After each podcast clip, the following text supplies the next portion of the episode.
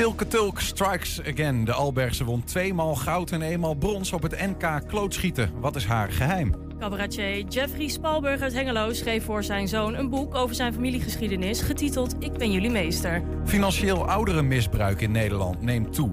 Familierechtadvocaat Joost Haafkes vertelt wat hij in de praktijk tegenkomt. En in het Twents kwartierke hoor je waarom er vroeger een echte vakman nodig was om textiel blauw te maken. Het is donderdag 29 juni. Dit is 120 vandaag. 120. 120 vandaag. Joy, Ja, jij zit niet heel vaak tegenover mij. nee, Eh, leuk ik dat moet je ook er even bent. wennen. Ja, dat is eh, geen probleem.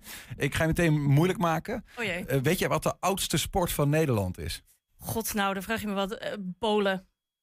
Bijna. Bijna. Ja, het tongen beweren namelijk dat klootschieten ehm, eh, de oudste sport van Nederland is. Eh, Twentse klootschieten zelfs.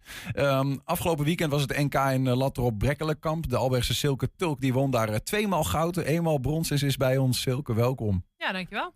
Eh, Klopt dat? Dat, dat klootschieten de oudste sport van Nederland is? Ja, dat kun je misschien ook niet weten. Hè? Nee, ja, eh, toen, het, be- toen het ontstond eh, was ik er inderdaad nog niet. Maar eh, nee, het is wel inderdaad, eh, dat is wel de legende die gaat, dat, eh, dat het inderdaad de oudste sport van Nederland is. Ja, ja. Nou, Die houden we graag eh, in leven. Ja, Ehm, eh, het, het is niet de, eerste prijs die je, die je wint, of de eerste prijzen. Wat, betekent dat voor je? Dus twee keer goud, één keer brons op zo'n NK? Nou ja de, op de NK is natuurlijk eh, een heel mooi podium om te kijken waar je staat. Eh, een, mooi, eh, nou ja, een mooie balans. Je, hebt, eh, je speelt tegen de beste dames van Nederland. Die hebben zich allemaal moeten kwalificeren via hun eigen afdeling. Ehm, dus het is een, mooie, ja, een mooi middel om te kijken waar je op dit moment staat. eh, zowel of in dit geval nationaal. En Mhm. dan eh, daar kun je wel een beetje op aflezen eh, hoe je er internationaal voor staat. Ja, ja, ja. Komen we zo nog over te spreken, want ook daar gooi je hoge ogen. Ehm, hoe win je, vroeg ik me überhaupt af, drie ehm, medailles in klootschieten? Ik vind, klootschieten is toch gewoon klootschieten? Of- Ja, je hebt drie verschillende disciplines. Dus je hebt het onderdeel straat wat je speelt op het asfalt. Het onderdeel veld speel je op het gras. En het onderdeel zetten gooi je met een klein balletje zo ver mogelijk door de lucht. Ja, ja. Dus eh, je hebt drie verschillende disciplines. Dus ja, dan kun je ook drie medailles winnen. ja. Maar wat is dan het verschil tussen asfalt en gras? Eh, nou ja, dat de kloot verder doorrolt. Eh, je hebt ander materiaal. Ehm, op de straat speel je duizend meter. Eh, dus je hebt een startlijn en een finishlijn. En dat moet je in zo min mogelijk eh, schoten overbruggen. Op het veld heb je vijf schoten. En dan moet je gewoon een zo groot mogelijke afstand in vijf keer overbruggen. En eh, op het zetten moet je inderdaad met een klein klootje zo ver mogelijk door de lucht gooien. En is het verste tellende worp is, eh, is jouw uitslag. ja. Kijk, weer wat geleerd, eh, Wat- Niels. Waar, waar, waar ben jij, eh, want je won één keer brons. Ja, dat op de was straat. op de straat. Ja. Is dat een zwakke plek of is dat toevallig? Nou, ja, het is een, eh, het is een onderdeel waar je toch iets meer ehm, het geluk bij je, eh, aan je zijde moet hebben. Ehm, het is maar net aan of er, of er een steentje goed ligt en of er een, eh, of er een berm is waar de kloot makkelijk uit terugkomt. Ja, ja, ja. Op het onderdeel veld en op het onderdeel zetten, ja, dan komt toch iets meer je kracht Als er geen polletjes zijn. Maar ja, goed, die, die veldbanen die liggen, Die liggen er al bij bij. als, als golf, golflakens. Dus, ja, ja. Maar jij, als klootschieter ben jij dus überhaupt gewoon heel goed in hard gooien. Ja, dat kun je misschien wel stellen, ja. Ja. Ja. Is, is dat wat een goede klootschieter nodig heeft? Je hebt eh, kracht nodig, maar daarnaast heb je ook eh, een hele goede techniek nodig. En ehm, ja, je moet er gewoon voor trainen, net als bij iedere andere sport. Ik bedoel, eh, als je geen trainingsarbeid kunt of wilt leveren, ja, dan zul je je ook niet terugvinden op de NK. Hoe kwam je ermee in aanraking? Via mijn ouders. Dus mijn vader is al sinds de oprichting van de vereniging in Vleringen lid van Kleine David. Ja. En eh, nou ja, goed, dan ga je als kind eens een keer mee. En dan, eh, ja, hoe kom je in aanraking met voetbal? Dat is het waarschijnlijk hetzelfde. Ja. Ehm, dus eh, ja, Maar voor jou is dat dus ook... Kijk, want je dingen vragen is altijd, is het nature, nurture? Maar dat is dus ook gewoon heel veel training, van kinds af aan eigenlijk Ja, al. zeker. Ja. Dus Ja. sinds ik, ik zes ben, doe ik aan klootschieten. Dus Hoeveel? hoeveel ik ervoor train bedoel je? Nou ja, dat verschilt natuurlijk per wedstrijd. Ik bedoel, voor in aanloop naar een Nederlands kampioenschap... dan gaat je trainingsintensiteit weer omhoog... en dan zit je toch wel op drie, vier keer in de week. Eh, straks gaan we weer richting de Europese kampioenschappen... nou, dan ga je richting eh, zeven keer in de week. Ja. Ehm, in het naseizoen dan eh één of twee keer eh, per week. En dan, eh, En dan, eh, en dan een aantal uren of een... ja, het is gewoon net als een voetbaltraining, hè? Ja. Ik bedoel, Ja, maar wat, hoe oefen je? Want ik bedoel, je vertelde net even hoe het werkt. De meeste mensen die, die zullen vast wel eens, zeker in Twente, wel eens ge, geklootschiet hebben. Of een variant daarvan. Die lopen dan door een bos of zo. En dan gooien ze een balletje zo ver mogelijk vooruit. Ehm, maar hoe oefen jij dat dan? Ook op dezelfde manier feitelijk? Ja, eigenlijk is je kunt het vergelijken met een voetbaltraining. Ik bedoel, je begint met een warming-up. Daarna ga je een stukje techniektraining doen. En eh, je sluit af met de partijvorm. Mhm. Dus, eh, en dan is het een individuele sport misschien. Maar je kunt dan natuurlijk wel eh, tegen elkaar een partij spelen. Dus Ja. dan is het gewoon... goed, daarnaast heb je natuurlijk ook de teamvarianten. Wij spelen op maandagavond spelen wij een damescompetitie. Dan spelen we teams van vier dames. En dan speel je tegen een ander team. En dan is het gewoon waar de nummer 1 eindigt, gaat de nummer 2 verder. En zo ga je dus met een team van vier eh, personen op pad.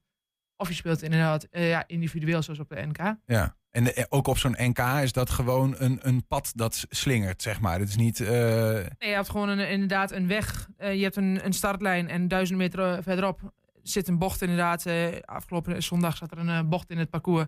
En dan is het gewoon eh, ja, duizend meter, dus dat is een kilometer. En dan, eh, dan schieten wij dan in eh ja, negen, tien keer eh, schiet, je, eh, schiet je daarop. En dan eh, hoop je de afstand te overbrugd te hebben. Wacht even, even een stapje terug. Want eh, zoals ik het ken is, je gooit een bal en die moet binnen een bepaalde, bepaald pad blijven. En gaat hij eruit, dan pak je op dat punt pak je het balletje weer op en ga je zo snel... Jij moet dus in negen keer gooien, moet jij een Nou bepaal- ja, de duizend, de duizend meter, die Ja. overbruggen wij dus in negen of in tien keer. Ja, ja, precies. de winnaar bij de dames die deed er in negen keer over en ik had er tien keer over nodig. Ja, ja, bij het straatparcours. Ja. En bij de rest was jij de, de snelste. Eh, dus het verst. Ja, ja. Ja. ja. Het vers dus, dat is, dat is de bedoeling. Ja, dus je, hebt, eh, je gooit gewoon allemaal, je gaat met een groepje ga je op pad. En je begint met eh, allemaal het eerste schot. En je loopt eigenlijk gewoon de, de duizend meter af. En de kloot die als eerste tegenkomt, die sporter, die doet het tweede schot daar op dat moment. Mhm. En zo ga je eigenlijk de duizend meter af. En de winnaar was in dit geval in negen schoten over. En eh, ik was in tien schoten over. Ja, ja, ja, ja. Dus wie het eerst die duizend meter heeft overbrugd. Ja, in zo min mogelijk. Zo min mogelijk worpen. Ja. Eh, eh, jij, jij bent eh, het, Twentse, hè, komt Ja. uit Albergen. Ehm, de NK is in Twente. Is, dat- is dat toeval? Eh, nou ja, het is één keer in de. Even kijken, je hebt vijf verschillende afdelingen binnen de NKB, binnen de Nederlandse Klootschietbond. En eh, nou ja, elke afdeling is dus eens in de vijf jaar aan de beurt. Nou, nu toevallig waren we bij Latrop eh, te gast. Mhm. Eh, volgend jaar zal Noord-Twente aan de beurt zijn. Dan zitten we in de buurt van nou ja, Reutem, Albergen, Geesteren te kijken. Maar je kunt ook naar, naar de Achterhoek. Vorig jaar was het in de Achterhoek. Dus het is maar net aan welke afdeling aan de beurt is om het NK te organiseren. Maar het is wel aan onze kant van, het- van het verhaal, zeg maar, van Nederland. Als je het hebt over de Ja. NK. Klopt. Het Ja. is dan echt wel Twente, Drenthe en de Achterhoek waar, eh, waar het ge- gespeeld wordt. Ik zat me eigenlijk af te vragen. Zijn er überhaupt wel teams uit Amsterdam of zo? Want hè, we kennen dat te- klootschieten heel erg als in Twente of Achterhoek. Eh, ben je teams uit de Randstad tegengekomen? Eh, nee, nee, uit de Randstad eh, niet. Er is één team in Noordwijk die een, eh, een wilde vereniging zijn. Zijn verder ook geen lid van de, van de Nederlandse Klootschietbond. Een wilde vereniging. Ja, goed, weet je, die zijn geen, geen lid van de bond, dus die dragen ook geen contributie af. Die houden zich verder ook niet aan de regels en eh, dus dat soort dingen. Ehm, dus ja, die hebben wel een eigen klootschietvereniging opgericht. Eh, maar dat is dus eh, verder niks. eh, Maar hoe groot is het wereldje dan in, in Nederland? hè? Want die dat echt wedstrijdmatig doet. Ja, de, de Nederlandse Klootschietbond heeft volgens mij 3500 leden. Dus dat is eh, nog Ja. een beste aantal. Ja, Ja.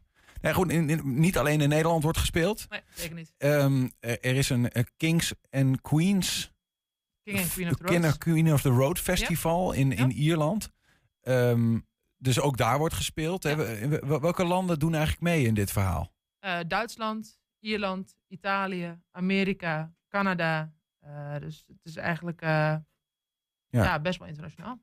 Hoe kan het dan dat wij dat in Twente... ja, heb je daar een idee van dat wij dat in Twente en in de Achterhoek vooral doen... en, en in de rest van Nederland dat er een beetje wordt gekeken van klootschieten? Waar, ja, waar heb je het daar over? zit je misschien toch iets meer richting de Duitse grens. Ja. Dus omdat het in Noord-Duitsland is het ook heel groot.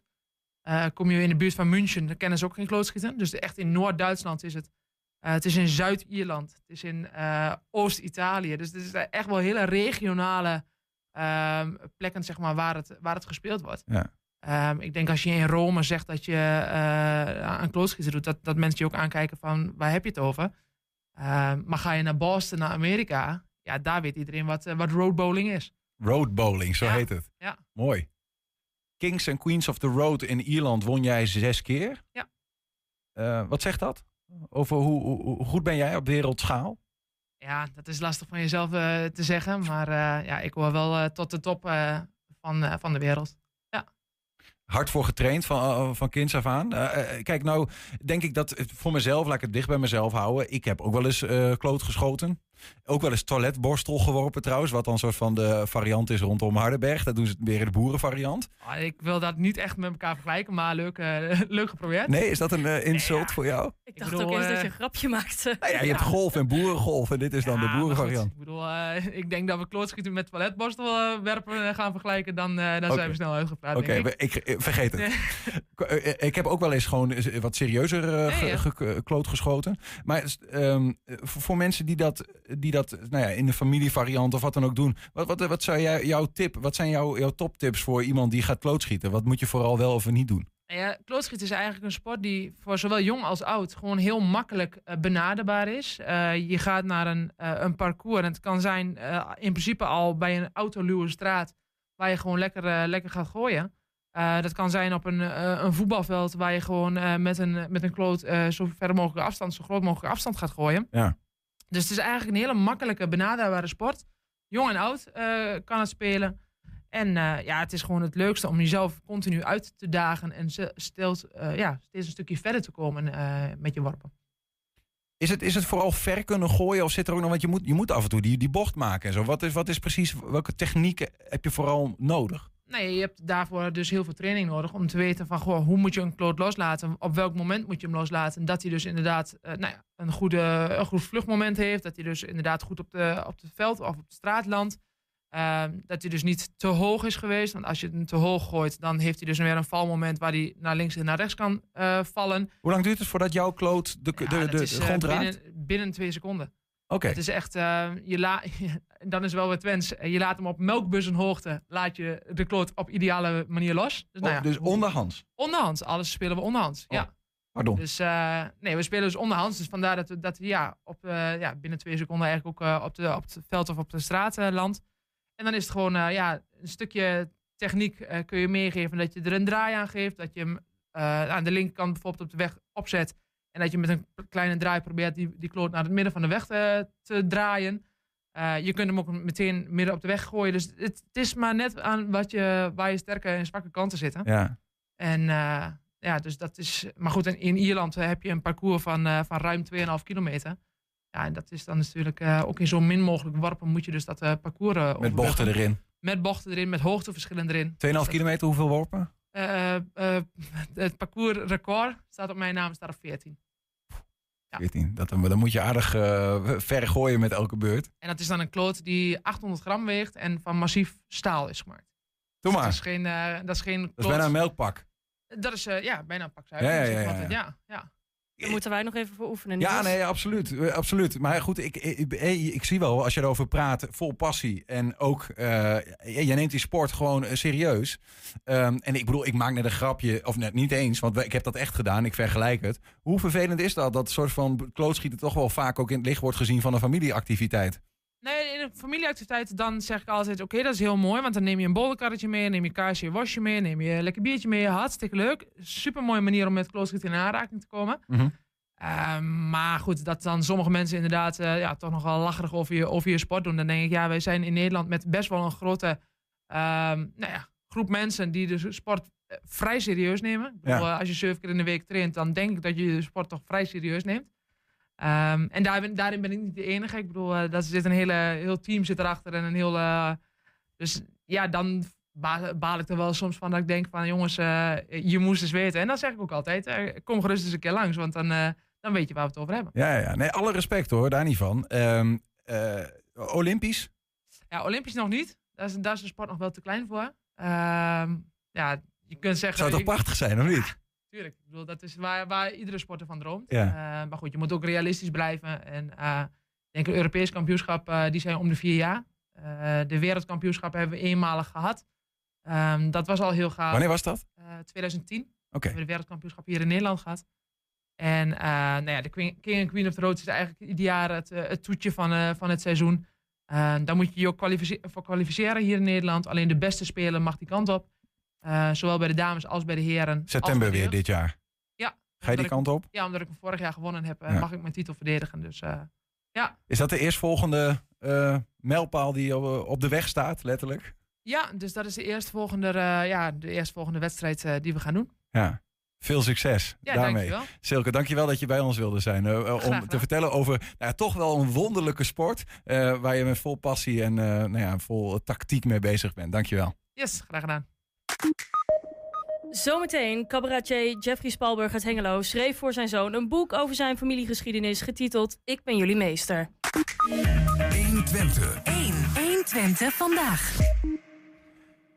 Financieel ouderenmisbruik neemt eh, toe in Nederland. Dat zegt de Vereniging van Familie- en Erfrechtadvocaten.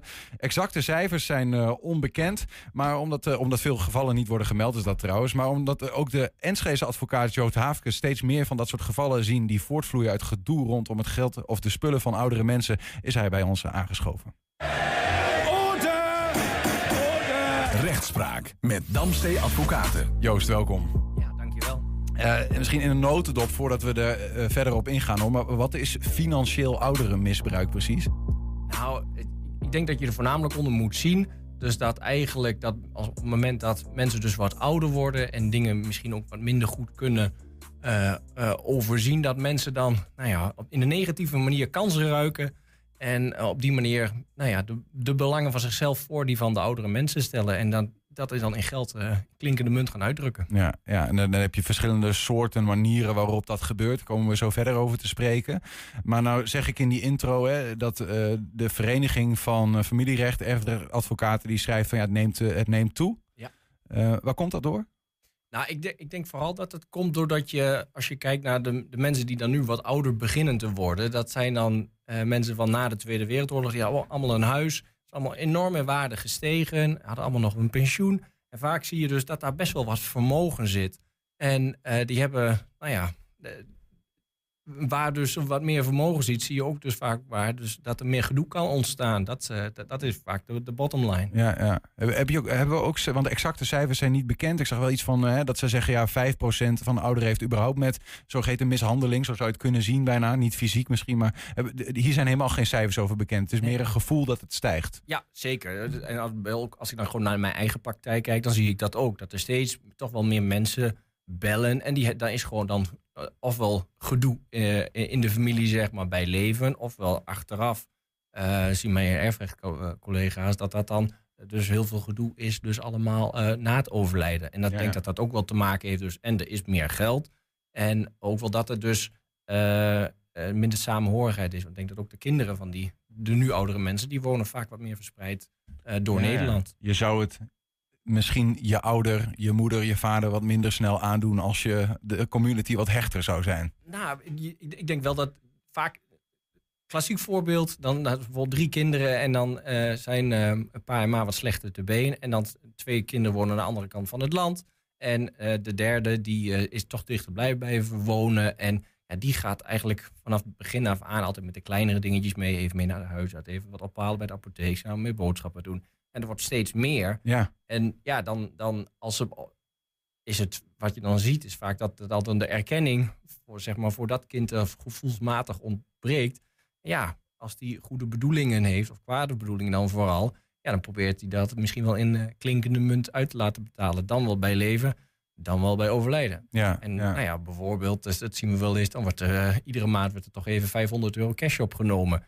Ja, en niemand eh, weet waar dat, door wie dat is opgenomen. Maar alleen één iemand, pa, ma en de een, dat ene eh, kind komt Ja, dan bij. ja, Weet je, ja, dat precies. is er echt wel... Het, het gebeurt, nou, het sluimert steeds verder.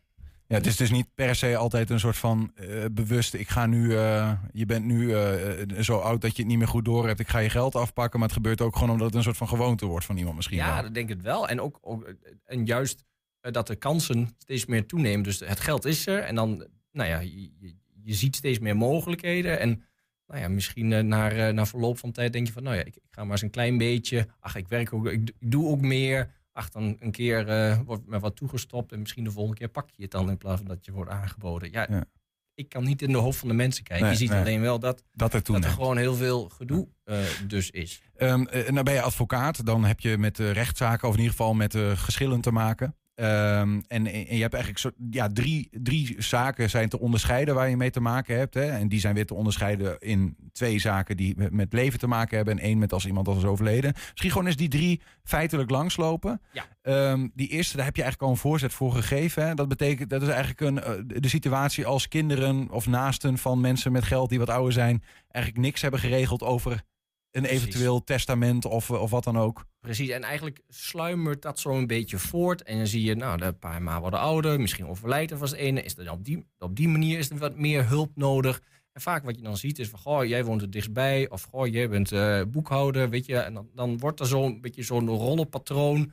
Dat, dat sluimert dan zo een beetje voort. En ja, juist doordat er ook überhaupt niets geregeld is, is, is er altijd wel een vertrouwen. Ach, het komt wel goed. Mhm. En, nou, en voor je het weet, doet iemand, eh, heeft een tweede agenda. En, en als er al achter wordt gekomen, ja, dan is het vaak al te laat. Dan is natuurlijk het geld weg en op. En nou ja, dan, dan zijn de poppen aan het dansen. Dan ziet eh, een van de gezusters van... hé, hey, wacht eens even, eh, waar is het geld van, eh, van Ma gebleven Precies. op de rekening? En dan is de vraag, eh, is dat nog net, is dat nog bijvoorbeeld bij leven? Dat iemand zegt, van, goh, er, er is niks meer. Of is dat bijvoorbeeld dan bij het overlijden? Dat opeens, eh, er zou toch veel meer moeten zijn. Ja.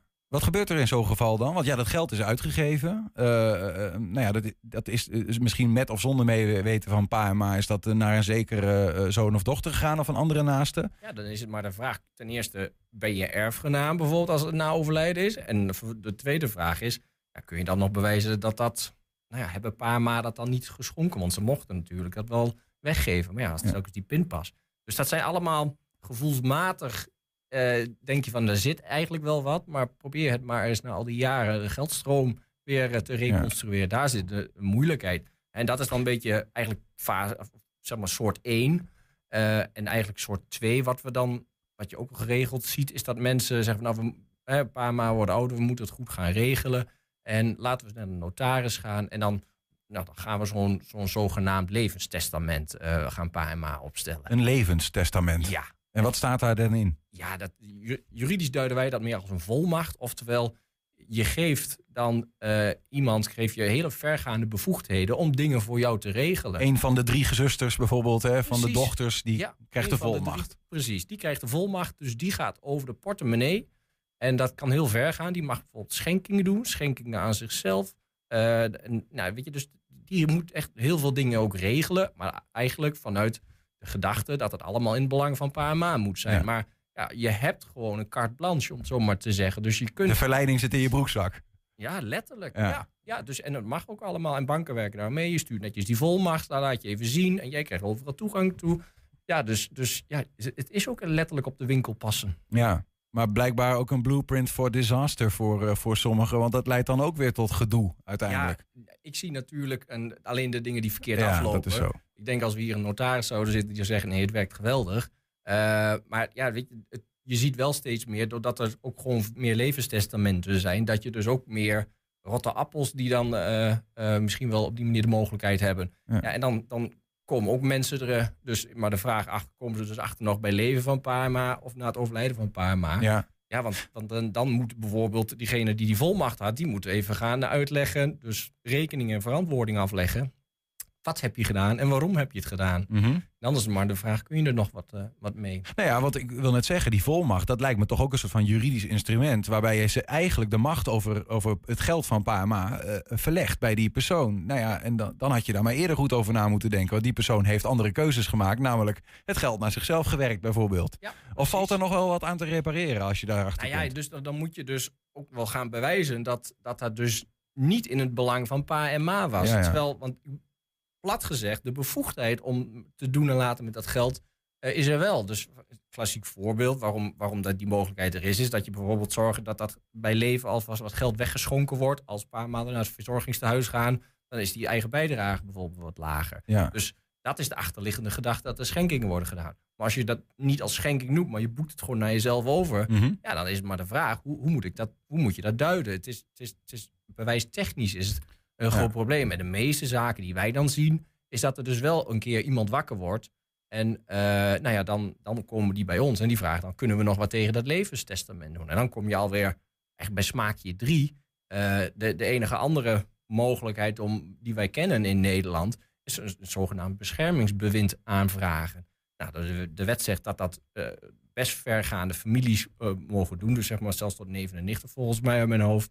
Eh, en die kunnen dat dus aanvragen. En dan moet je dus zeggen, ja, dat levenstestament is er misschien wel, maar dat biedt helemaal geen bescherming. Mhm. En dus dan moet je enigszins aannemelijk kunnen maken van ja, eh, hier klopt iets niet. Eh, het wordt je alleen maar erger. En nou ja, als je dus die rechter daarvan kunt overtuigen, dan komt er zoals het heet zo'n eh, beschermingsbewind. En dat kun je zelf worden. Of je kunt bijvoorbeeld een professioneel een beschermingsbewind eh, daarvoor eh, eh, Ja. moeten. Ja, die zijn er genoeg, dus die vind je wel en die, die gaan dat dan doen. Wat is het verschil dan tussen, tussen als je gevolmachtigd bent of dat je een, een, eh, dat beschermingsbewind doet? Zit daar een verschil in? Ja, daar zit eigenlijk, zeg maar, qua, qua evenwicht, wanneer je eigenlijk verantwoording moet afleggen, zit een heel groot verschil in. Want zo'n volmacht, dat zegt eigenlijk, gaat veel meer uit van vertrouwen. Dus die zegt, aan het eind van de rit moet je dan even eh, afleggen eh, wat je hebt gedaan. En daar staat vaak zelfs een bepaling in uitgaven onder de 500 of 1000 euro. Daar hoef je geen rekening en verantwoording voor af te leggen. En als je dus naar zo'n zo'n wettelijk kader gaat, en zo'n beschermingsbewind, volgens, nou ja, volgens wat er in de wet staat, die moeten eh, één keer per jaar moeten ze echt wel eh, serieus op de koffie bij de kantonrechter. En dus maar even toelichten Ja, ja. wat ze hebben gedaan en waarom ze hebben gedaan. Wel meer controle op. Daar zit veel meer controle op. Maar ja, de, de, de, de, de, bleef blijkbaar iets in Nederland dat je denkt van ja, ik wil niet door zo'n professioneel bewind voeren of ik wil niet tegen mijn wil in. Weet je wat, ik, ik hou het lekker in een familie en ik geef zo'n volmacht af, zo'n levenstest. ja, ja, precies. Ja. Er is nog, nog één eh, soort zaken, begreep ik, Joost, ehm, waarin je eigenlijk pas nadat pa of ma overlijdt, eh daarachter komt van hé, hey, eh, er is daar ergens een testament door hen opgesteld, waar eh, die toch al wat oneerlijke verdelingen in zich heeft. En wat gebeurt er in zo'n geval? Ja, dat is een klassiek geval dus dat de, die drie zusters hè, en, en dan die ene, die twee wonen ver weg en die ene die, die, die zegt, nou pa, ma moet nog even goed regelen, ik heb zoveel gedaan, vind je ook niet, ja, ik ben zo blij met je. Nou, laten we dat even omzetten in klinkende munt. Ik bel wel even naar de notaris. Ja, en dan, eh, nee, eh, nieuw testament en dan gaat toevallig net wat meer, misschien wel alles, ehm, gaat dan naar, eh, naar, naar die een van die zusters. En misschien wel worden de andere twee onterfd of alles wat ertussenin kan zitten.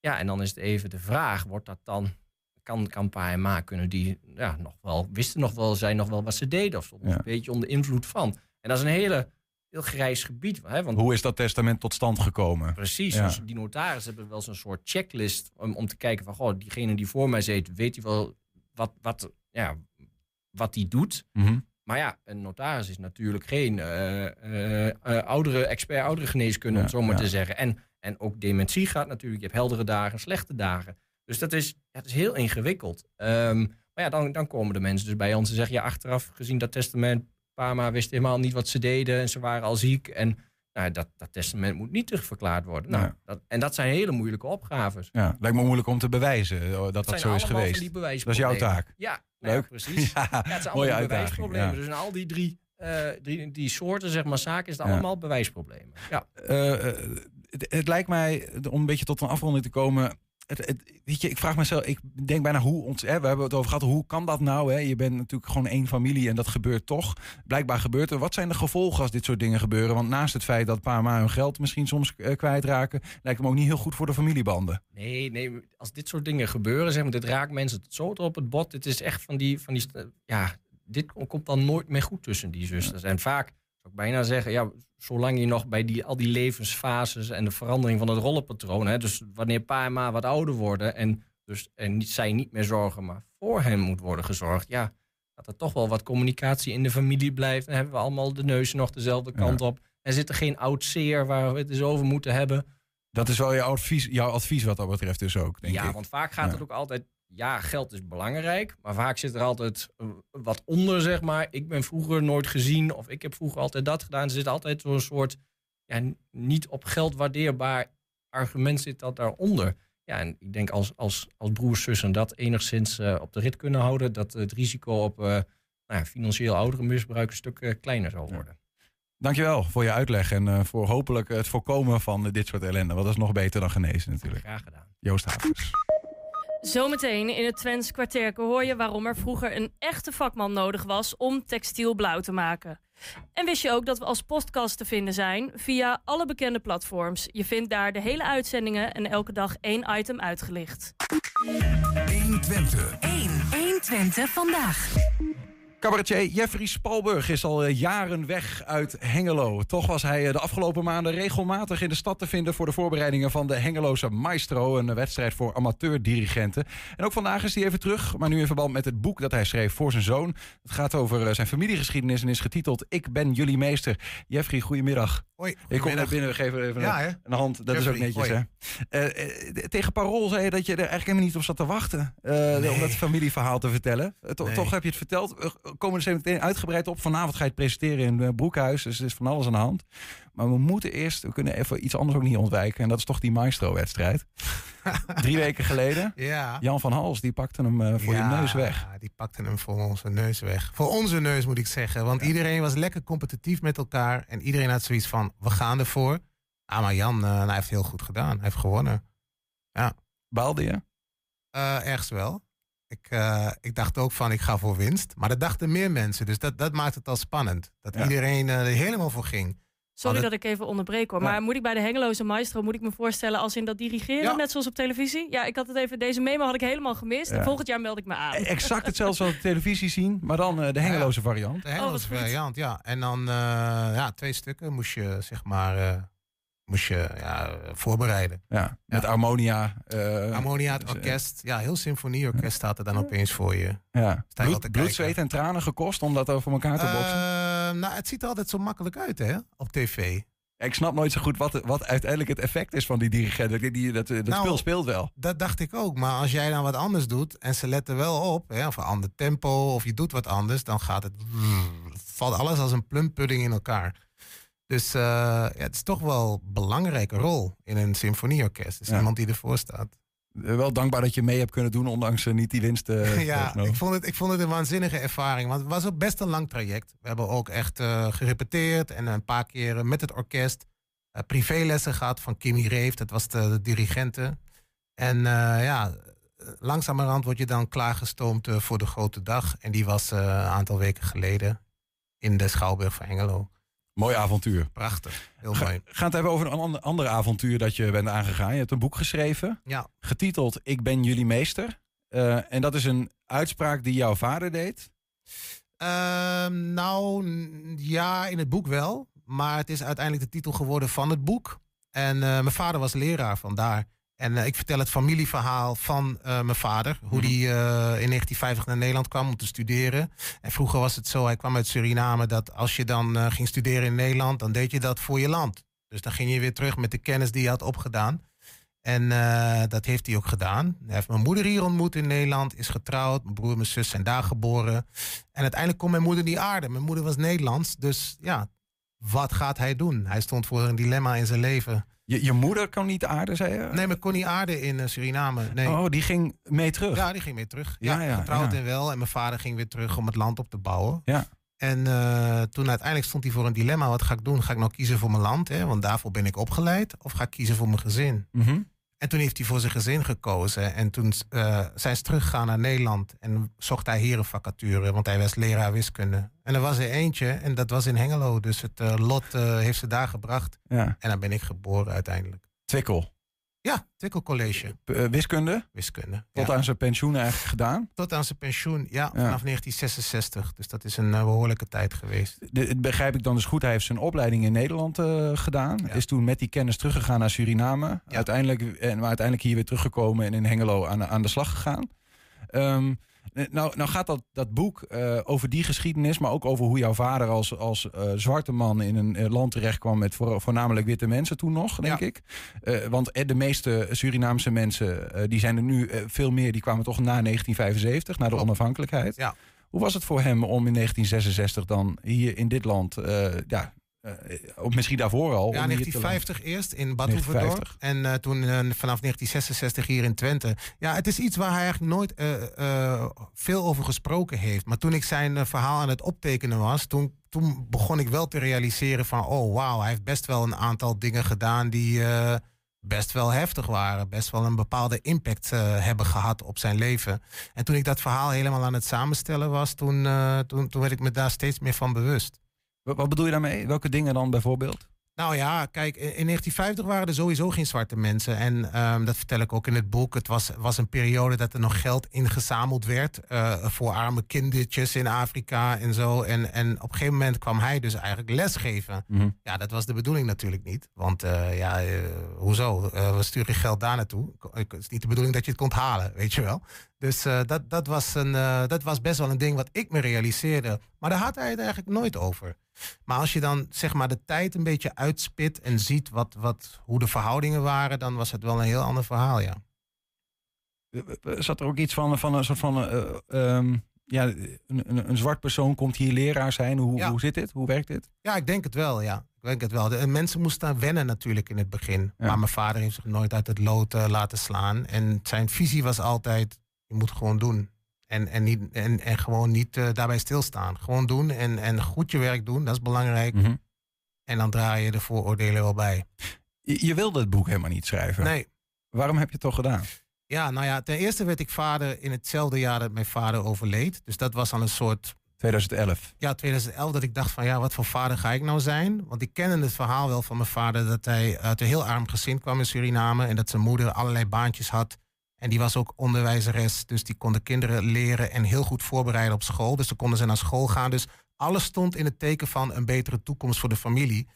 En mijn vader was acht, mijn opa viel weg en hij was opeens het hoofd van de familie. En toen heeft hij wel eens tussen neus en lippen eh, verteld aan mij, nooit met opgeheven vinger van joh, ik moest morgens om, eh, om half vijf opstaan. Ik moest eieren gaan rapen op het erf van oma. En die moest ik dan eh, in een kleine mand blootvoets lopend naar de markt brengen in Paramaribo om ze te verkopen. Als jij een keer de afwas niet wilde doen, dan vertelde nou ik je ja, dat verhaal. precies. En dan denk je na van wow, heb jij dat allemaal moeten doen? Hmm. En dat kan ik natuurlijk nooit. Wat, wat voor verhaal ga ik straks aan mijn zoon vertellen? Dat Hmm. ik bij Radio Enschede was en dat ik iets later was en dat ik in de file stond. Toch?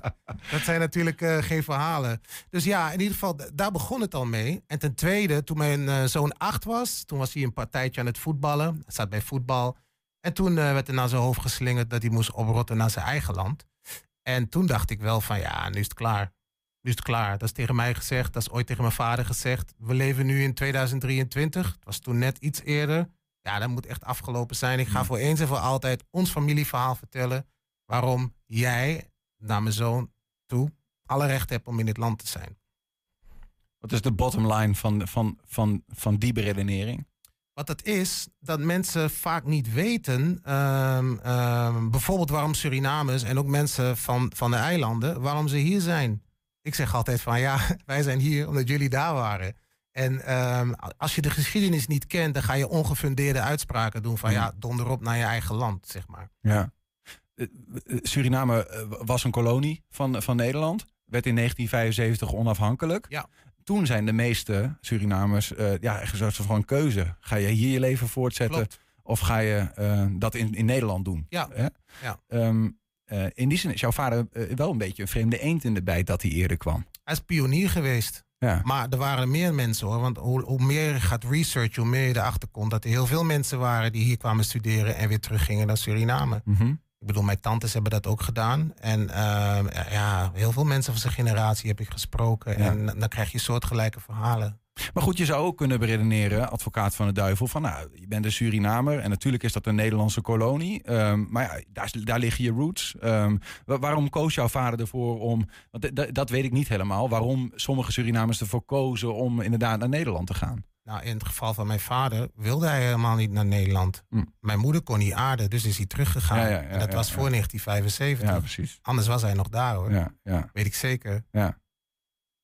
Ja, eh, ja, nou ja dat, dat is een duidelijk verhaal. Voor andere Surinamers zal het misschien anders zijn. Ja, maar ja, dan moet je ook weer de verhoudingen eh, moet je snappen. Hè? Ehm, ehm, misschien gaat dit te diep voor nu, maar Hmm. Suriname was een land wat helemaal niet bestond. Want het is gewoon een stuk Amazone. En op een gegeven moment is daar gewoon een, een, een, een, hoe zeg een grens getrokken van dit is nu een Nederlands grondgebied. Mhm. En dat is een land wat, wat daar woonden inheemse mensen. En daar zijn van al, over de hele wereld allerlei mensen eh, naartoe getransporteerd. En daar zijn allemaal plantages gekomen. Dus het hele land was ingericht om geld te verdienen voor het moederland. Ja. Nou, als je dat realiseert, hè, hoe die verhoudingen. Moederland liggen- is Nederland. Ja, moederland Ja. is Nederland. En, en als je dat allemaal uitpluist en ziet hoe die verhoudingen liggen, ja, dan, dan kom je op hele andere conclusies. Ja, ja. Ze hebben misschien ook wel daar gewerkt eh, waar Nederland groter is geworden. Dus ja, weet Ja, je wel, waarom zeker. niet in Nou ja, moederland gaan waarom, drinken wij koffie hier? Waarom is Ja. hier suiker? Weet je? Dat heeft allemaal te maken met dat. Dat er landen waren die dat, eh die dat supplyden eigenlijk Ja, eh, ja. voor Nederland. Eh, eh, ehm, het uitwerksel is dat, dat hier een grote groep eh, Surinaamse Nederlanders, Nederlandse Surinamers, hoe je het maar wil zeggen, in ieder geval, die, die wonen hier. Ja. Die krijgen blijkbaar tot in 2019, hoor ik jou net zeggen, want je zoontje was acht en hij geboren Ja. in 2011, eh, te maken met dit soort uitspraken. Ja. Ehm, ehm, achter die uitspraak, wat, wat, wat zit daar? Waar heb jij misschien zelf ook last van gehad? eh, Als, als, als toch een Nederlander met een kleur in Nederland. Ja, ik heb er niet zozeer last van gehad, want het heeft me gevormd voor wat ik ben. En wat ik ook wil met dit boek, is dat het een, dat het een verhaal is voorbij slachtofferschap. Het is een verhaal van kracht. Wij staan maar af van overwinnaars, zeg ik altijd. Als je helemaal teruggaat naar de geschiedenis hè, en, en dan ga je diep, dan heb je het over slavernij. En dan heb je het over dat de sterkste overleefde. En dan heb je het over familie. Ik ben helemaal teruggaan in de stamboom om te kijken van, goh, eh, hoe is dat bij ons gegaan? Dus dat vind ik, eh, dat vind ik eigenlijk eh, het belangrijkste, zeg Hm. maar, om dat, eh, Ja. om dat uit te dragen. Ja, want je, je tenminste, zo heb ik het begrepen. Je schre- schreef het verhaal wel voor je zoon. In Ja. ieder geval, of naar aanleiding van die gebeurtenis, vertel Ja. je nou net, zeg maar. Ehm, aan de andere kant zou ik ook denken, ja, eh, ehm, eh, ook, ook die jongen die dat tegen jouw zoon zei, die zou het boek moeten lezen, toch? Nou, misschien wel. Het zou wel leuk zijn, ja, als hij het zou lezen. Ik vind het gewoon jammer dat mensen eigenlijk eh, de geschiedenis niet goed kennen en niet, niet kunnen, op waarde kunnen schatten waarom dingen zijn zoals ze zijn. Mhm. Dat vind ik altijd jammer. Dat is hetzelfde als. eh, ehm, ja, het geldt eigenlijk voor alles. Nou ja, ik moet je in alle eerlijkheid zeggen, het was eh, een, een tijdje geleden dat we, een, ik weet niet meer precies wat het onderwerp was, maar een onderwerp bespraken waarover het ook over Surinamers ging. Ja. En dat ik, dat ik toen wel even heb opgezocht, hoe zit dat eigenlijk? Ja. Weet je wel, want dit is zo vanzelfsprekend. En ik weet dat, dat er Turkse migranten zijn die vanwege de textiel bijvoorbeeld in Enschede kwamen werken. Ja.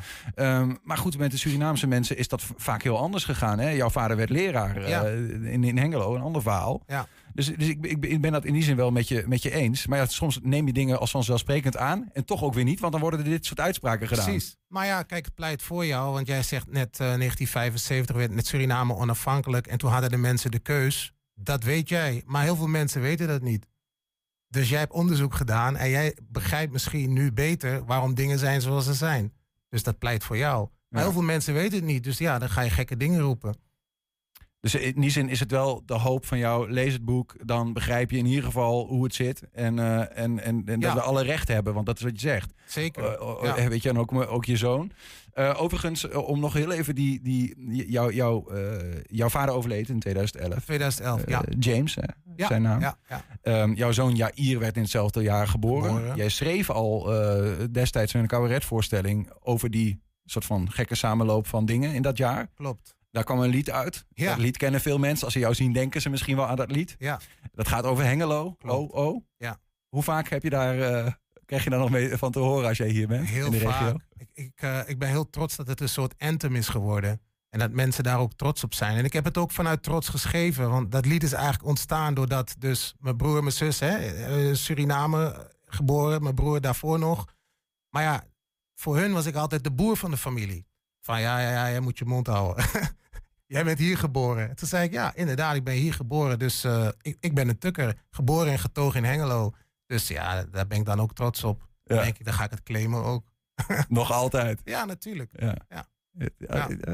Ik, het, lijkt me zo wonderlijk als je dan door de stad loopt. Gebeurt dat dat je door de stad loopt en zegt: Hey, Hengelo. Ja, nog steeds. Ja, ja dat, vind ik, dat, dat, dat zeg ik, dat vind ik ook mooi. Hè. Je maakt dan zo'n lied en het zit dan in een voorstelling en er zit een context omheen, maar het kan ook los bestaan. Kan ook gewoon een. eh, die trots hebben mensen wel gevoeld dat dat erin zit.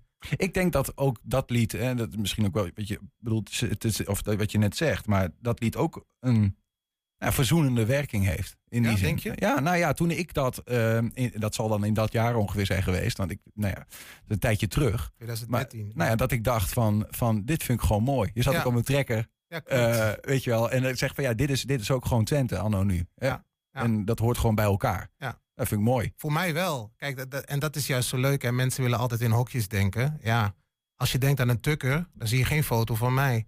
Maar ik ben wel geboren en getogen in Twente. En ik kan me wel zo identificeren. Ja. Omdat ik dat, ja, ik ken de cultuur, ik, ik ken de mensen, ik weet hoe dingen gaan. Als ik, als ik straks weer, eh, of eigenlijk net nog, als ik dan voorbij Deventer ben, dan ben ik thuis.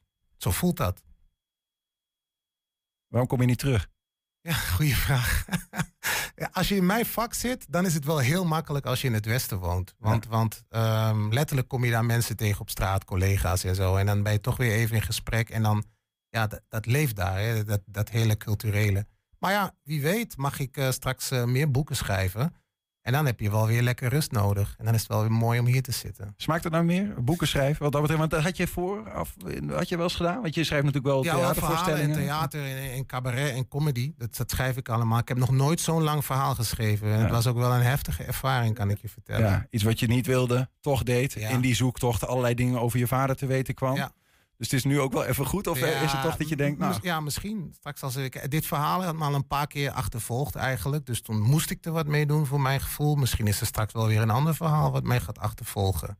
Ja, en als dat dan in eh, boekvorm eh, moet worden gedaan. Ik weet nu wel hoe het moet, dus dat scheelt. Ja. Vanavond de presentatie van eh, Ik ben jullie meester in de boekhandel Broekhuis in Hengelo. Ja. Eh, kunnen we daar gewoon naartoe? Of is dat... eh, ja, wat ehm, ik denk dat er nog... eh, het beste is even mailen. Hoe laat is het? Nou, misschien dat het nog kan. Even mailen naar eh hengelo.boekhandelbroekhuis.nl Dan moet je even aanmelden. Misschien dat er nog een paar plaatsen zijn, misschien ook niet, dat weet ik niet. Maar het wordt een mooie avond. Ik word geïnterviewd eh, door Theo Hakkert. Kijk, En eh, ja, dat is mooi. Die heeft ook het boek eh, helemaal gelezen. En ik ga het eerste exemplaar eh, uitdelen aan de Hengeloze burgemeester Sander Schelberg. Dus dat is ook een bijzonder moment voor mij. zeker. Mooi. Eh dankjewel Jeffrey dat je bij ons wilde zijn. gedaan. En heel Thank veel plezier vanavond. Succes met nou ja, je verkoop van je boek, maar meer nog een soort van, misschien toch een soort van zendingsverhaal over, eh, over jouw Ja, achtergrond. misschien. Ja, Ja. Ik, ja. Thanks. thank you. Yes. En heb je nou een tip voor de redactie? Dat kan je gewoon naar ons mailen. Mail naar redactie.120.nl Een mooie streektaal vind ik mooi. Twents kwartierken. Nou, dan komen We zwaaien onze- onze even gasten uit zwaaien. en, even eh, zwaaien. We verwelkomen onze nieuwe gast. En overigens, eh, we gaan naar Twents Kwartierken. Ja. Ik bedoel, dat is toch een mooie koppeling wat dat betreft. eh, Dat is ja. een hele mooie brug. Je mag ook nog even blijven hoor. Jij vriend, doe je gewoon nog mee in Twents Kwartierken. Oké dan. Ehm, Maar, eh, ja, eh, volgens mij Adrie, eh, aan jou te- om hier te zitten, geloof ik altijd. Dat is de bedoeling, Ja, met het scherm en zo. En dan kan onze gast daar... Hebben we een stoel eventueel? Of ik, zal, ik, zal, ik zal heel netjes die van mij afstaan. Ja, dat mag. Ja, dat is heel fijn. Ehm, en dan, dan gaan we weer de Twentse les krijgen. Ja. Juf Adrie Hemming, Ja, back at the table. ja dat is dat geen Twents. Nee. T- terug Beyoncé. Mooi dat je er bent. Ja. Ik ga het weer uh, gooien. Kijk, eh, Joy, hoe zit het met jouw proberen. Twents? Je komt uit Goor. Ja, ik kom uit Goor, Ja? maar niet geboren. Oh, Oké, ja, ja, ja. Waar, waar kom je vandaan? Deventer. Ah, ja. maar ik, eh, ik moet zeggen, ik, ik woon hier al wel eh 22 jaar. Ja, nou, we gaan snel beginnen. ehm, want we hebben nog wat te bespreken en we hebben nog een quizje en zo, dat soort dingen. Eh, eerst even een kleine terugblik. Vorige week in het Twents kwartierken het volgende. Ja, daar komt het aan. Huttenvolk, Ja. dat waren eh, ruwe mensen. Kroet, dat was specerij. Een wessel, dat was een geruilde horige. Dat is een beetje een moeilijk woord, hè? Mhm. En een wissel van boerderij was dan vaak. En een geertling, dat was het woord van vorige week, dat was een merel. Kijk, Nou. Van Frank Geerling eh, naar Geerling. Prachtig. Ja. Hij is niet meer onder ons, in ieder geval niet meer hier. Maar eh, hij komt zo meteen nog terug voor, voor de fans. Ehm, we gaan een, een- naar een nieuwe quiz van jou. Ja, je hebt Twentse woorden meegenomen, eh, Nederlandse betekenissen. Wij moeten raden of beredeneren welke, wat dan ook. Die leiden we natuurlijk altijd in met een thema. En dit keer heb je voor het thema meegenomen Wilma Witteman. Zij is conservator van het Museum Bussenmakerhuis in Borne. Welkom. Ehm, eh, bij jullie loopt er nog tot, nou ja, wat is het? eh, eh, eh, 30 november, hè? Ja. Loopt er nog een tentoonstelling genaamd Blauw. Ja. En die gaat over, eh, nou ja, eigenlijk dat het nog niet heel gemakkelijk was om textiel blauw te maken. Nou, het blauwdrukken is natuurlijk eigenlijk de basis voor alle katoendrukkerijen in Twente. En wij hadden een blauwdrukker in, in Borne. En eh, die had een heel mooi patronenboek gemaakt. En eh, vanuit dat patronenboek zijn we eigenlijk op deze tentoonstelling gekomen. Dat is de basis voor de tentoonstelling. Ja. En toen kwamen we ook op het blauwdrukken en hoe lang dat al gedaan is. Dat is al eeuwenlang gedaan. En eh, dus er zijn dus heel veel dingen die daarmee samenhangen om dat blauwdrukken te kunnen. Is het toevallig dat je een blauw eh, hesje hebt aangedaan nee, vandaag? dat is blauw natuurlijk niet toevallig, hè, want eh, wij dragen nu maar blauw. Want wij zijn alles, eh, iedereen wil blauw. Ja, ja, ja. En dus dat is wel heel grappig dat ook onze gastvrouwen zeggen... oh, dan doe ik maar wat blauws aan. En dus dat is wel erg leuk. Maar het, struck me, nu net, ik zit hier en ik denk, jij zegt het woord blauwdrukken. Daar komt het vandaan. Want het blauwdrukken is een Nederlands woord voor een soort Ja. van het, het, het begin, de, de eerste versie. Ja. Ehm, wat, wat, wat betekende een blauw tux- stuk textiel dan, een blauwdruk? Nou, een blauwdruk betekent eigenlijk dat je een, eh, met een pasta een patroon drukt op de blauwe stof. Op de, Mm. op de stof. Mhm. En daarna ga je het blauw verven. En dat kun je doen met weden of je kunt het doen met indigo. Eerst werd dat in eh, Europa met weden gedaan. Bij de VOC, met de VOC is ook het indigo uit India hier naar Nederland gekomen. En in Nederland werd toen het eerst met indigo geverfd. Maar indigo heeft de eigenschap dat het niet hecht aan stof. Dus je moest daar een bijtsmiddel voor gebruiken. Het bijtsmiddel wat daarvoor gebruikt werd was urine. Want ureum... Die Oh, ik dacht urine, stond ik even. Urine, Verstond ja. ik ook. Ja, echt? Ja, het is echt Ureum in urine. Nee, Oké, het is ja. echt urine. Ja. Het ureum uit urine, Oh, ja. Dat zorgt ervoor dat de indigo hecht aan de stof. En die potten die dus gemaakt worden voor die, het verven van die stof, die mochten dus geen zuurstof bevatten. Dus ook die potten werden gevoed met een schepje suiker, want die bacteriën moesten ervoor zorgen dat die pot zuurstofvrij Zuurstofvrij bleef. Ja, ja. En die potten waren zo'n drie meter diep in de grond.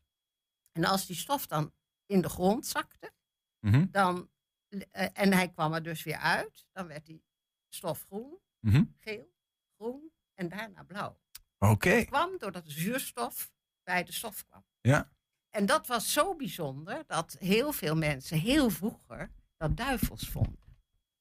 De, eh, duivels. Duivels, dat vonden ze een Een duivel. soort van magische Een eh, truc. magische, want ze begrepen natuurlijk niet hoe dat kwam. Welke tijd hebben we het over? Dan hebben we het wel over de 17e eeuw. Ja, ja, ja. Ja, ja en, en, en, later, eh, want in de Twentse textielindustrie ontstond natuurlijk wat later, ehm, eh, waren er echt specialisten die hier ook mee bezig waren op deze manier. Zeker, er is eh, al heel vroeg synthetische indigo door Bayer geïntroduceerd. Die heeft dat dus eigenlijk toen de, de synthetische indigo ge- geïntroduceerd. En dat was natuurlijk zo revolutionair. Dat gaf ook veel minder af Mhm. dan eh, de eh, indigo die dus met de hand gemaakt werd. En het is natuurlijk zo dat er waren veel chemicaliën nodig voor de pasta om die druktechniek te maken. Dus erg milieuvriendelijk was het ook niet. En daarbij is er heel veel water, stromend water voor nodig. Dus ik denk dat in Borne heel veel de Bornse Beek blauw was. Van onze blauwdrukker. Want Ja. die loosde natuurlijk in de haven van Borne het, eh, het, het water waarschijnlijk in de Bornse Beek. Ja, Blauwe ja. maandag. De Blauwe De Maandag blauwe- horen we nog? De Blauwe Maandag komt er vandaan dat eh, op zaterdag deed de blauwdrukker eh, de stof in de pot. Op zondag schepte hij het schuim van de gisting van de pot eraf. Mhm. En op maandag hing hij het te drogen en Ja. te spoelen. Ja, En dan was alles blauw en dat was de Blauwe Maandag. wat grappig. En om meer kleur te krijgen in de stof of in de wol die ze verfden, sloegen ze heel hard met de stof op beton of op steen of op wat dan ook. En daar komt het bont en blauw slaan vandaan. Dit meen je niet. Oké, Ja. maar en hoe, hoe, ging die kleur dan eh, door het erop te slaan verder de stof in? Ja, omdat dan kreeg je meer zuurstof Ja. in die stof doordat je sloeg. En hoe dan meer kwam- zuurstof- En hoe meer zuurstof, hoe beter blauw het werd. En vond je het niet blauw genoeg, deed je het nog een keer. Maar het is meestal over het algemeen was het wel dat het helemaal direct heel mooi blauw werd. Ah, ik dacht gewoon bont en blauw slaan. Gewoon eh, tik, tik, tik. En dan kreeg je blauwe plekken. Ja, maar dat, eh, we hadden ook eerst de tentoonstelling Bont en Blauw willen eh, noemen. Maar gezien het Huis van Geweld vonden we- was, connotaties, dat, was, was ja, die keuze ja. niet zo goed. Over de tentoonstelling gesproken. ehm, wat, wat zien we eigenlijk als we naar het Bussemakerhuis gaan? Ja, je ziet het hele proces eigenlijk van het blauw drukken. Hoe het gegaan is vanaf 1811. En, eh, want de blauwdrukker heeft het boek gemaakt in 1811. Ja. En eh, we zijn dus ook daar begonnen. Het is omdat het, eh, de hele geschiedenis daarvoor hebben we eigenlijk... Uitgegaan van het boek eigenlijk. eigenlijk uitgegaan van het boek. Ja. En de geschiedenis van Johannes Mulder die het boek gemaakt heeft. Mhm. Dus het gaat met name ook over blauwdrukken in Borne. Het- De blauwdrukker in Borne, maar ook de, blauwdru- de laatste blauwdrukker, en dat is Koop Vloedgraven uit Stop, Staphorst. Oké, ja. En wij hebben dus, eh eh, Koop Vloedgraven was opgeleid in, bij Prinsen in Bokstel. En die heeft de hele inventaris van Prinsen en Bokstel overgenomen. En die inventaris, eh, die, een gedeelte van die inventaris, die is bij ons nu te zien. En de familie Vloedgraven is niet erg, eh, die, die leent eigenlijk nooit iets uit. Maar wij hebben het voor elkaar gekregen dat ze dat voor ons nu wel doen. Kijk, eh, Dus, dus dat is wel heel mooi. een unicum. Wil je het zien? Eh, tentoonstelling Blauw, zo heet het. ehm, Blauw. is nog tot 30 november dus te zien in het Museum in, in Borne. Eh, eh, Wilma, dankjewel dat je in ieder geval hier wat wilde uitleggen. Je hebt ook nog wat meegenomen trouwens. Zie ik, dit, is, dit is onder andere... als je iets omhoog houdt, kunnen we het goed zien. Ja? het, dit is een, een patroon wat, wat ze in Staphorst schutteltjes noemen. Dus dat is eh, ja, het Salans, of ik weet niet precies. Ja, schoteltjes. Mhm. Hè, dat zijn dus eh, cirkeltjes waarvan je kunt zien, aan- waaraan je kunt zien dus dat dus iedere doek heeft eigenlijk een naam. Kijk, Dus dat is wel eigenlijk ja, je microfoon staat nog niet aan, eh, Arie. Op jouw, op jouw eh, paneeltje voor je zit een knop eh, en daar staat een mic eh, staat daarop. Dat is eh, de microfoon van Arie, als het goed is. Dit is Nou, dus ik krijg- eigenlijk de doek eh, met de schuttel. Nou, Kijk, Schuttelties noemen ze het geloof ik. je zet een Ik blonde niet dame hier zeggen. achter de microfoon en het gaat niet goed. Ja, dat maakt niet zo heel veel uit. We gaan, eh, we gaan naar de quiz, want we, moeten, we, we, motten, we motten deur. Ehm, misschien kunnen we inderdaad die de even aan Adrie ja? geven. En Ja. dan eh, de microfoon. eh, ga, ik ga even wat regelen. Oh. Ehm, en dan kunnen de quiz alvast instarten. Ja, Adrie, als jij ons alvast door Ja. inleidt, dan eh, regel ik de microfoon. Het gaat helemaal goed, want eh, je hebt niet zoveel stress. Ik heb niet zoveel stress. Gelukkig. Nou, het aan. Als het goed is, het eerste woord. Veronzon. Nou, veronzon, wat is dat? Is dat A, is dat verprutsen? Nou, je kunt de stof verprutsen, hè, als je aan het, eh, als je aan het verven bent. Ja, ja, ja. Of is dat B, is dat vergeven? Stel voor, het, ge- het, geeft, er geeft iets mis, maar ik, ver- ik vergeef het toe. Ja, dat vind ik toch aardig, ja? Ja, C, of het is vervuilen. Je hebt natuurlijk net gehoord dat het eh, afvalwater allemaal de bek in ging. En dat was natuurlijk nou niet echt heel erg eh, verantwoord. Alle drie de opties klinken eigenlijk logisch eh, in ja, mijn, eh, ik doe mijn best, hè. Ja, heel goed. Maar het Veronzon, dat is, dat is het Veronzon, woord. ja. Verprutsen, vergeven of vervuilen, dat ligt ervoor. Ja. Ehm, ja, ik, poeh. Eh, Ik ga voor eh, verprutsen, Niels. Ah. jij denkt verprutsen? Ja. Wilma, Ja, hoe zit jouw A. twens? Ja? Ja, voor A. Oké. O- Om de, het, het klinkt een beetje als onzin, hè? Dus ver- on- er- ergens, Veronzon, onzin, ergens onzin van maken. Ja. ver- ver- verprutsen. Eh, maar goed, het is ook wel spannend om voor iets anders te gaan natuurlijk. Dus ik ga dan toch voor vervuilen. eh, omdat het, eh, nou ja, het water van de beek raakt er toch wat vervuild, hè? Wat dat betreft. Dus Niels gaat voor vervuilen en de rest gaat voor Verprutsen. Ah, ja. verprutsen. Nou, dan moet ik toch eigenlijk Niels ehm, eh, heel, dat kan ik heel blij maken, want het is vervuilen. Nou, hier. Ja. Kijk. Ja, als Nou, je zegt van een onzelig figuur, dat is een beetje een smoezelig, smerig, Ja, ja, ja. Die hebben we wel eens gehad. Ja, Waarom? onzelig. Ja. hebben dat helemaal dan. Ja, nou, wie weet zat er nog ergens in mijn hersenschors. Helpt Nou, dat het toch een Ja, beetje dat mee? helpt wel. Het De- wel lang, maar eh, De eer is gered in ieder geval voor Niels Veurink. Eh, we gaan naar woord 2. ja, dat heel, Alle ehm, kans om recht te brengen. het woord is rijder. Mhm. En is dat, ehm, is dat A, is dat een fabrikeur? Want het bussenmakershuis is een fabrikeurshuis. Dat is de voorloper van de fabrikant. Ehm, is dat een bezorger? Dat kan natuurlijk ook. Hè, en, eh, de, de stof ging bezorgen. Mhm. Of is dat ehm, de doorgang tussen eh, apparatuur of door, door, tussen materiaal door? Is dat een soort rijder, een gang, laat ik maar zeggen, dat je, de, dat je, de- dat je er tussen duur kunt? Ja. Ja, Ja, dat is heel spannend dit. Maar rijden, rijden, eh, dan zou het toch altijd nog met IJ zijn, denk ik. Ook, want de Twentenaar is toch niet per definitie dyslectisch, lijkt mij. nee, Niet nee, dat, nee. Dat, dat niet. Maar ja, je weet het niet. Geen idee. Wilma, jij dit woord wel eens gehoord, een rijder? Nee, ik heb het niet gehoord, maar Nee. ik denk dat het C is, een doorgang. Een doorgang, een rijder. Ja. Poeh, ehm, Nou, dit kan voor mijn gevoel gewoon echt alles zijn. ja. Echt geen flauw idee. Nou, Maar eh, weet je wat, dan ga ik eh, gewoon... Ik blijf stevast bij A, fabrikeur. Dan doe ik die wel. Oké, jij gaat. Nou, dan weet je, we maken het spannend. Ik weet het, ik heb ook echt geen idee. jij, eh, It could be andere. everything. Maar eh, ik ga er toch tegen mijn intuïtie in. Voor iemand die rijdt, bezorgd, bezorger. Nou, Ehm, dus eh, ik ga voor B en de ja. rest, nou ja, we vullen de antwoorden in. dan moet ik ook zeggen dat A, dat is het goede woord. Het is denk ik, ik heb denk ik dat het iets te maken heeft met reder of zo. Een Ja, ik rederij. dacht- Ik dacht ook aan handel verhandel. Want een fabrikeur dan komt natuurlijk met het, eh, nou ja, halffabrikaat bij de boer. Dan Ja. gaat hij dat eh, weven en dan haalt het weer op als het kloor is. Ja, ja, ja. Dus ik denk dat het door vandaan komt. Wilma dacht er al aan.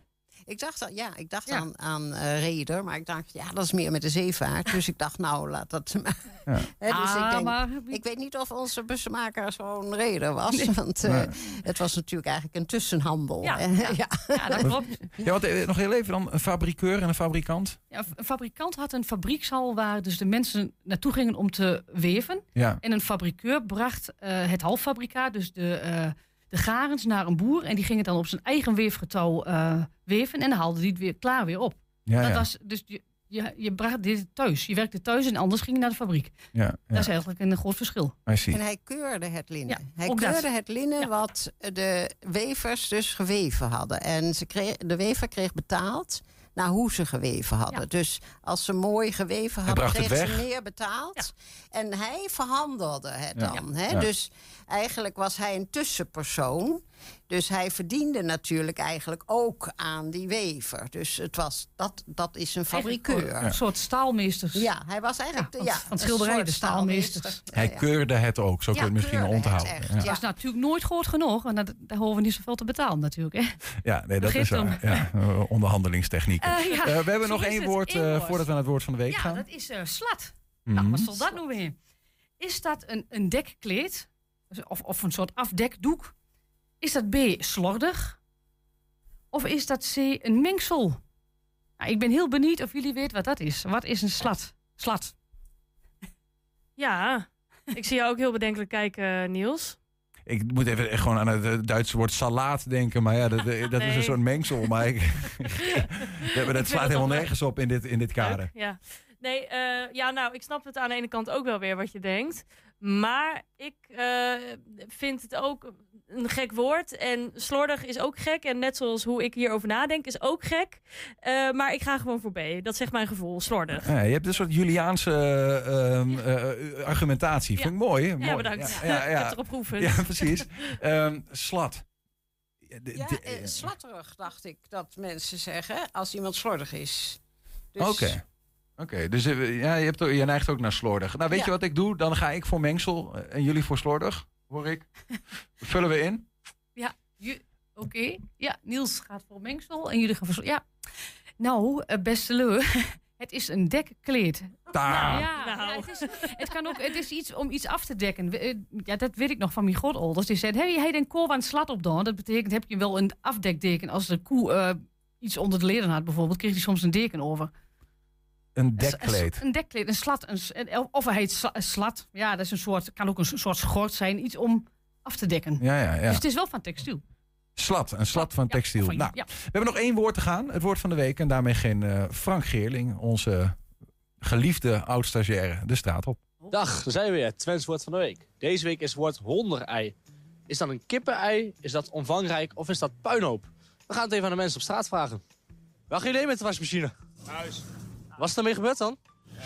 Ja, we moesten een nieuw hebben. Die oude was kapot. Oké. Ja.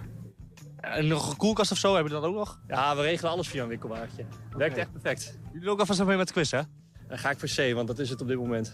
Goedemorgen. Fijn dat u stopt. Honderé? Ja. Nee. Ja, ik heb er wel eens van gehoord, maar... En, dan- mag ik raden wat de weg op. U mag het raden wat het betekent. Of misschien weet het zelfs al. Zo wat puin op. Oké, what's the answer? Uh, ah, ki- kippenai. Why? Uh, I don't know why. Ik, ga- ja, ik moet naar eh, onze dochter, ja. Waar moeten we heen dan ongeveer? Naar mijn dochter. Ja, hier in de buurt dan. Wat? Ja, hier in de buurt. Hebben jullie er ooit van gehoord? Ja. Ja. Ja. En wat betekent het? Dat is kip-ei. Heeft u er ooit van gehoord? Nee, Nog nooit. Komt u uit de buurt? ik kom uit de buurt, ja. Nou, lang maar bezig. Nee, omvangrijk. Heeft er nog een reden achter of gewoon een gokje? Ik ga reden voor. Dan kunt u ook wat Twents, of niet? Ja, ik heb wat Twents, ja. U kan ook wat Twents. Honderij. Hè? Honderij. Als ik het woord zeg, honderij. Wat betekent dit? Opruimen. Opruimen. Staat er niet bij. Nee, staat er niet bij, hè? Ah, ik ben heel slecht in eh, school vroeger, hoor. Vroeger ging ik nooit naar school. Waarom niet? Omdat ik eh, meer van de praktijk ben. Wandelen, 30 kilometer. Van hier eh, naar Gladenbrug. Van Gladenbrug naar Duitsland. Puinhoop in de staat. Puinhoop in de stad. Vullen in C. A, B of C, wat denkt u? Ik denk eh C. Puinhoop. Waarom denkt u dat? Nou, weet niet, gevoel? Als ik zeg van, hey, kijk daar wat voor hondenrie er ligt. Ja. Ja, zo klinkt het een beetje. Heren en de studio en juf Adrie. Honderei. Betekent dat kippenei, omvangrijk of puinhoop? Aan jullie de vraag. Ja, in dit geval is het, eh, nou ja, goed, we- in 2023 zijn we allemaal heren en dames, laten we maar zo zeggen. Eh, ehm, ja, Frank, een moeilijke vraag. Honderei, kippenei, omvangrijk of puinhoop? Ehm, sommige mensen zeiden heel resoluut kippenei. En een hoender klinkt een beetje als een hoender. Dat is ook een Ja, soort vogel. Zo, daar da- zou ik naartoe ge- neigen. Ja, maar omdat wij natuurlijk 1-1 staan, Niels, wil ik eigenlijk niet met jou meegaan. Dus ik geef Ja. jou nu de eerste kans. En dan ga ik wel voor eh, C, puinhoop. Joy gaat voor C, puinhoop. Ehm, ja, ik, ik ben toch geneigd voor kippenei te gaan, Wilma. Ik ga voor puinhoop. Jullie gaan allebei voor puinhoop? Oké, nou ja, we gaan het meemaken. De laatste telt eigenlijk, hè? Frank heeft het antwoord. 1 Twente, honderei. Kippenei, omvangrijk of puinhoop? Het goede antwoord is antwoord A, een kippenei. Nou, ja, echt met een klein tegenzin heb ik hier een applausje voor Nou. Ja, je. ja, dankjewel Joy. Het is je Ehm, zo gegund. Leuk dat je een keer meedeed. Ja, was ook meteen de laatste keer. Eh, Wilma Witteman, eh, dank ook voor, voor het meedoen. Eh, en eh, dank ook zeker voor, eh, eh, voor, de, voor de mooie uitleg over eh, blauwdrukken, blauwverven, waar die woorden vandaan komen. En als je nou daar een beeld bij wil krijgen, dan kun je nog tot 30 november terecht in Borne in het Bussenmakerhuis. En eh, de blauwdrukker heeft het bolk ook in het Oud-Hollands en in wat Twentschrim. hè Dus daarom is het natuurlijk ook heel interessant. Ja, ja, het boekje zelf is daar ook, of het boek zelf is ook te... Het boek is eh, door de museumfabriek eh, gefotografeerd, dus Hm. digitaal door te bladeren. Dus het is erg mooi om te zien en het is van geschept papier uit de watermolen van Oudmarsum. Dus te wensen kan eigenlijk niet. Twentse kan niet, wees erbij. Blauw. Ehm Adrie Hemmink en eh, Wilma Witteman, dank jullie wel voor het meedoen. Dag Jan Doorn. Tot zover 120 vandaag. Terugkijken kan direct via 120.nl en vanavond om 8 uur en om 10 uur via televisie. Niels, dankjewel. Graag gedaan en jullie allemaal bedankt. Tot morgen. 120. Weet wat er speelt in Twente. Met nu het nieuws van 5 uur. Goedemiddag, ik ben René Postma. GroenLinks en de PvdA vinden dat minister Adema niet meer moet overleggen met de boeren. Het overleg is mislukt. Nu moet het kabinet met dwingende plannen komen, zeggen ze in het landbouwdebat. Adema wil juist elementen van het mislukte akkoord gebruiken.